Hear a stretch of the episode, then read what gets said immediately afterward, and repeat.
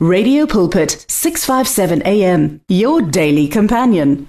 Kulohlelo lapho sithi khona mphatlalatsane ekseni kungolosihlanu ngilithathe leli thuba mlaleli ngikubingelele egameni elihle igama lenkosi Jesu Kristu waseNazareth. Siphinde ke sibonge nakubahle enhlapho ukusibusisa ke ngaleli thuba bahle uNkulunkulu akubusise uNkulunkulu ke akwenze njalo. Mlaleli sisaqhubeka ke nendaba yethu la sibonisana ngezinto uNkulunkulu azibhekile emntwaneni wakhe osindisiwe othethelelwe izono. Sibonile kulamaviki adlule izinto ezimbili uNkulunkulu ayazibuka emntwini. Namhlanje ke sisizokhuluma ka ngeyesithathu lapho sizokhuluma khona ngobuntu besithunywa noma benceku kaNkuluNkulu. The humanity of his messenger mlaleli namhlanje. Ake sifundeke izwi lenkosi laphayana ke kuEzekiel chapter 2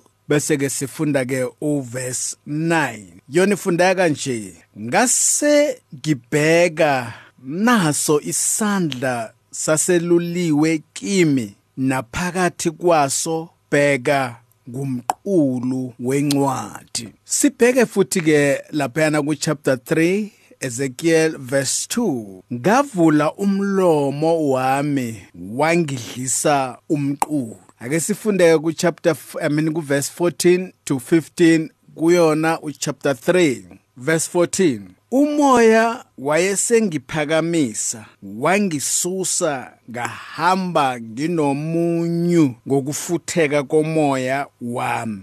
Isandla sika Jehova saba namandla phezukwami verse 15 ngafika kubathunjwa ngase Teli Abibi ababehlezi ngasemfuleni iKebari lapho babehlala khona. Ngahlala khona phakathi kwabo izinsuku eziyisikhombisa ngimangele. Lasibona ubuntu buka Hezekiel ngoba sinenkinga bazalwane uma sibukisisa kahle abantu bazosithema ngomoya kepha imisebenzi kamoya ingabonakali enyameni. Kungekho ushintsho enyameni. Usenjalo lomzalwane simaze njalo engenabuntu. Athi amandebele akakavuthwa mlaleli.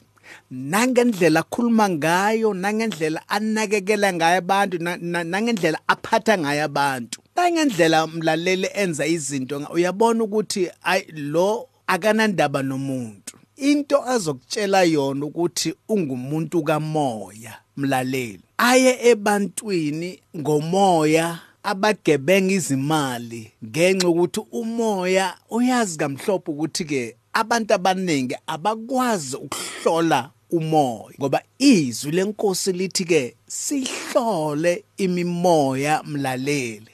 Ngakho ke lo muntu ogijima ngobumoya yena abantu bayamesaba ngoba kwesinye isikhathi uyabathembisa nokubaqalekisa abathembise izibusiso abathembise konke lokho abantu benkosi badideke mlaleli bamsale bufa. Kepha ke ubuntu bakhe buphi mlaleli? Abantu abaswelayo abacindezelo kuba bakhiphe something ukuze babusiseke. Yena mlaleli ubuntu bakhe buphi? Uma bengabusisekanga uma kungave kungafezekanga zonke lezo zinto abathembise zona bese athi kungenxa yokukholwa kwenu. Ake ngiphinde lamazwi uEzekiel umprofeti omkhulu umlaleli major prophet prophet. Ake sibiyele sowafunde la mazwi chapter 2 verse 9 ngase ngibheka naso isandla saseluliwe kimi naphakathi kwaso bheka ngumqulu wencwadi. Chapter 3 verse 2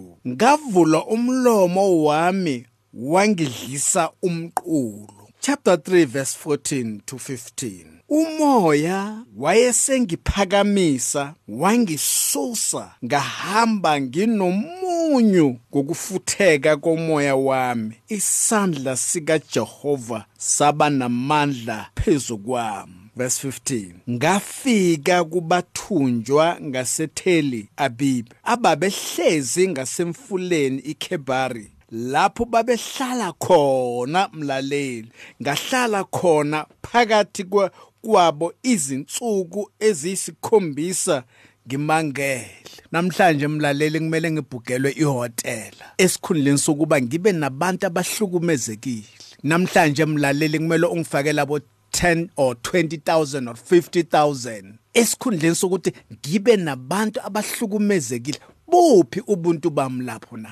Uma ungayifaki leyo mali angisi. Namhlanje nginga-arrange itafula ukuze abantu abanemali beze bazohlala kilo. Buphi ubuntu bami kulabantu abampofu na? Mlaleli la izwi lenkosi lithi ke ngafika kubathunjwa ngaseTheli Abibi ababehlezi ngasemfuleni eKibhari lapho babehlala khona mlaleli. Ngahlala khona phakathi kwabo izinsuku eziyisikhombisa ngimangele mlaleli.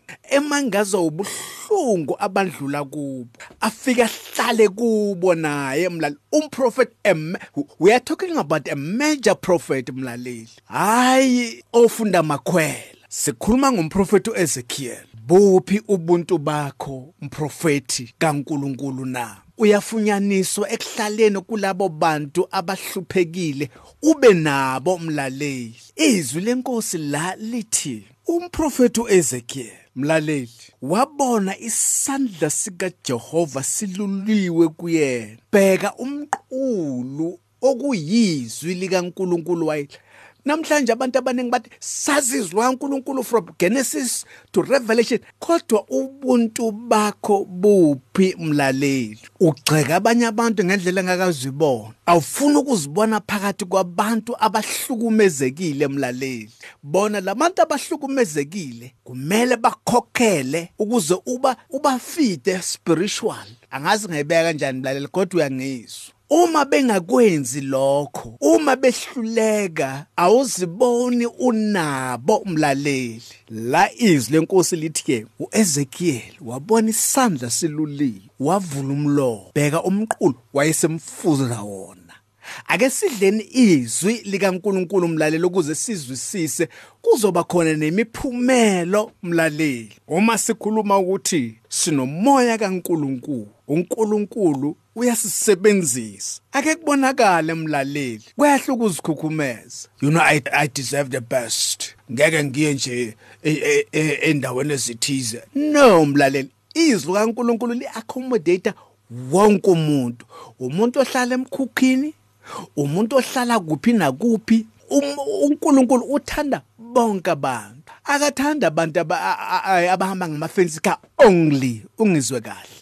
Akathanda abantu abaphumelela only kepha uthando lukaNkuluNkulu lifanele bonke abantu. Gotsho kaNkuluNkulu akohambe nawe ukuwehle. Ufana nalo major prophet esingathi umprofeti uEzekiel waya ebantwini abathunjiwe. Efuthekile mlaleli emangele wahlala nabo mlaleli ezwa ubuhlungu baba abandlula kubona. Kwangathi uNkulunkulu angasiza kulonyaka mlaleli abantu bakaNkulunkulu abahlukumezekile singabahlukumezi nathi siyizinceku zikaNkulunkulu. Sibahlukumeze ngezwi likaNkulunkulu. Sibahlukumeze ngokuthi thina sinomoya kaNkulunkulu kepha izithelo zingabonakali. Mlaleli. Ngenxa yesikhathi ake sithi ke ukuma la okwanamuhla ngithatha intambo ngiphinisele kubahle bahle intambo kwezakho babayelapha ekhaya mlaleli. The words of the Lord are words of life. Your heart is on 657 AM 657 AM radio for believers in action